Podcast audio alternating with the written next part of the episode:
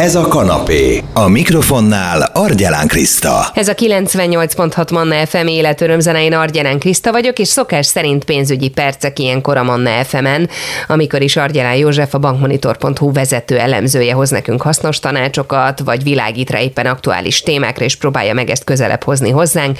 Most éppen arról beszélgetünk, hogy a bankszámlák, számlavezetési díjai hogyan emelkednek, milyen szabályrendszer alapján, milyen jogszabályi háttér alapján után emelhetnek a bankok ezeken a szolgáltatásokon, és megteszik ezt? A bankok most már a szigorodó jogszabályi környezetben nem változtathatják tetszés szerint a különböző díjakat költségeket, kamatokat. Ez igaz a hitelek esetében is, és igaz a bankszámlák esetében is, bár ez utóbbi esetben a bankszámláknál a szabályok valamelyest megengedőbbek. Alapvető elvárás az, hogy pénzintézet egy már megkötött számlaszerződés kapcsán új díjat, új költségelemet nem vezethet be. A másik elvárás, hogy meglévő díjaknak a számítási módszerét, számítási metódusát nem változtathatják meg.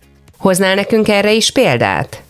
Ha például valamilyen szolgáltatásért fix összegű díjat számol fel a bank, akkor nem változtathatja meg mondjuk ezt egy minimum díj plusz százalékos díjkonstrukcióra, neki akkor azt fix összegű díjat kell továbbra is biztosítani. Ez ugye nem azt jelenti, hogy maguk a díjak, költségek nem változhatnak, csupán az, hogy ilyen feltételek melletti változások nem elfogadhatóak. Az, hogy milyen módon, milyen mértékben emelhetik a bankok a díjakat, vagy változtathatják a bankok a díjakat a számlák kapcsán.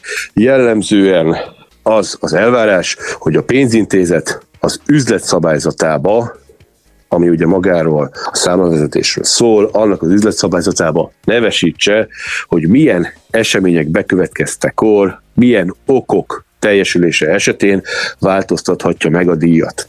Mik lehetnek jellemzően ezek az okok? Ilyen ok lehet például a pénzügyi környezet módosulása, a jogi környezet módosulása, pénzintézetekre vonatkozó új adónemek bevezetése, de például ilyen oklista, ilyen ok maga az éves infláció is, tehát kvázi a bankok az előző év inflációjának mértékével megemelhetik a számlaköltségeket. Az előző évek inflációjának mértékével megemelhetik a számlaköltségeket. Ez miért fontos? Ez nagyon lényeges, hiszen a tavalyi évben az átlagos éves infláció 14,5 százalék volt. Ez azt jelenti, hogy a bankoknak lehetőség van az idei évben a számlaköltségeket 14,5 százalékkal megemelni. Sőt, ugye, ha az egész idei évet nézzük, akkor bizony idén átlagosan az infláció előláthatóan nem fog mérséklődni. Ugye év végére jó eséllyel egy számjegyű lesz a drágulás mértéke, de az éves átlagot nézzük, akkor a várakozások szerint ez 14,5%-hoz képest még fölfelé is mozdulhat el valahol 17-18% közé. Ez azt jelenti, hogy két év alatt, ha a bankok lekövetik az inflációt a díjaikban, akkor durván 33-34 százalékkal is emelkedhetnek a bankszámlához kapcsolódó költségek. Ez azért jelentős díjnövekedés. Akkor minden bank be is vezeti ezt a drágítást, jól értem? Ki kell hangsúlyozni azonban, hogy ugyan minden bank oklistáján szerepel az infláció, mint a banki számlaköltségek megemelésének egyik oka, de ez nem azt jelenti, hogy minden bank automatikusan él is ezzel a lehetőséggel. Ez számukra csak egy opció, ami mentén megemelhetik a díjakat. Egyébként a tavalyi év inflációját eddig, hangsúlyozottan eddig információk szerint négy bank követi le, négy bank emel díjakat. Ezek az OTP bank, a Magnet bank, a KNH bank és az Erste bank. A díjváltoztatás sem egységes időpontban történik. Az OTP bank március 1-től hirdette meg az új díjakat, a KNH bank és a Magnet bank április 1-től, míg az Erste bank május 1 fogja változtatni a költségeket. Az, hogy mikor változtathatnak számlaköltséget a bankok, ez mitől függ, mihez van kötve? Nagyon sok ember fejében egyébként az április elsőjei határidő van, hogy akkor azzal a dátummal változtathatják meg az infláció mértékének megfelelően a számlaköltségeket. Sajnos ilyen kitétel nincsen a jogszabályban. Valójában van április elsőjéhez kötött díjváltozási lehetőség. Ez azonban a hitelek nem kamat jellegű díjaira vonatkozik. Ezeket a díjakat a pénzintézetek valóban április 1 és valóban az infláció mértékének megfelelően módosíthatják. Ilyen díj lehet mondjuk a szerződésmódosítás díja, ilyen díj lehet a fedezetcsere díja, de ugye ez egy teljesen más sztori. A bankszámlák esetén ilyen dátumhoz kötött kitétel nincsen. Miért lényeges ez? Ez azért lényeges, mert elképzelhető, hogy még az idei évben még más pénzintézetek is bejelentik, hogy megemelik a számlaköltségeiket az inflációnak megfelelően. De ki kell hangsúlyozni, hogy jellemzően azért tény, hogy ezt tavasszal szokott bekövetkezni, gyakorlatilag a infláció közzététele olyan február elején történik meg, és azt követően a pénzintézeteknek 60 napos bejelentési határidejük van, tehát jellemzően, hogy a tavasz, tavasz végére ezek az átárazódások leszoktak zajlani. Fontos kihangsúlyozni az OTP esetében, ez egyébként nem opcionális. Az OTP bank üzletszabályzatában nem az van, hogy megemelheti a pénzintézet az infláció mértékének megfelelően a számlaköltségeket. Abban a szabályzatban az van, hogy minden évben automatikusan megemeli a pénzintézet a díjakat.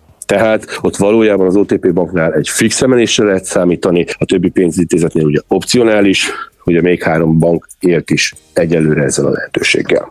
Mi van még a díjak emelésével kapcsolatosan? Fontos tudni, hogy ez nem csak a vezetési alapdíjat érinti. A számló műveletekhez kapcsolódó egyéb költségemelemeket, átutalás díja, bankkártya éves díja, készpénzfelvétel díja is megemelhető az infláció mértékével, sőt, nem csak a fix díjak, nem csak mondjuk egy adott díjtételnél a minimum vagy maximum értéke, hanem a százalékos díjtételek is lekövethetik az infláció változását. Azt azonban ki kell hangsúlyozni, hogy vannak ugye akciók minden pénzintézetnél jellemzően, bizonyos feltételek teljesülése esetén mondjuk ingyenesen biztosítják az alapdíjat, nem számolnak fel számlazatési díjat, ingyenesen biztosítanak meghatározott számú átutalást. Jellemzően ezeket az ingyenességeket, ezeket az akciókat nem érintik ezek a díjváltozások. Ez pedig mondjuk úgy a jellemzőnél is biztosabb, tehát kifejezetten nem is érinthetik azokat az akciókat, amelyeket a pénzintézet előzetesen határozott időre hirdetett meg. Ez mit jelent, hogy előzetesen határozott időre?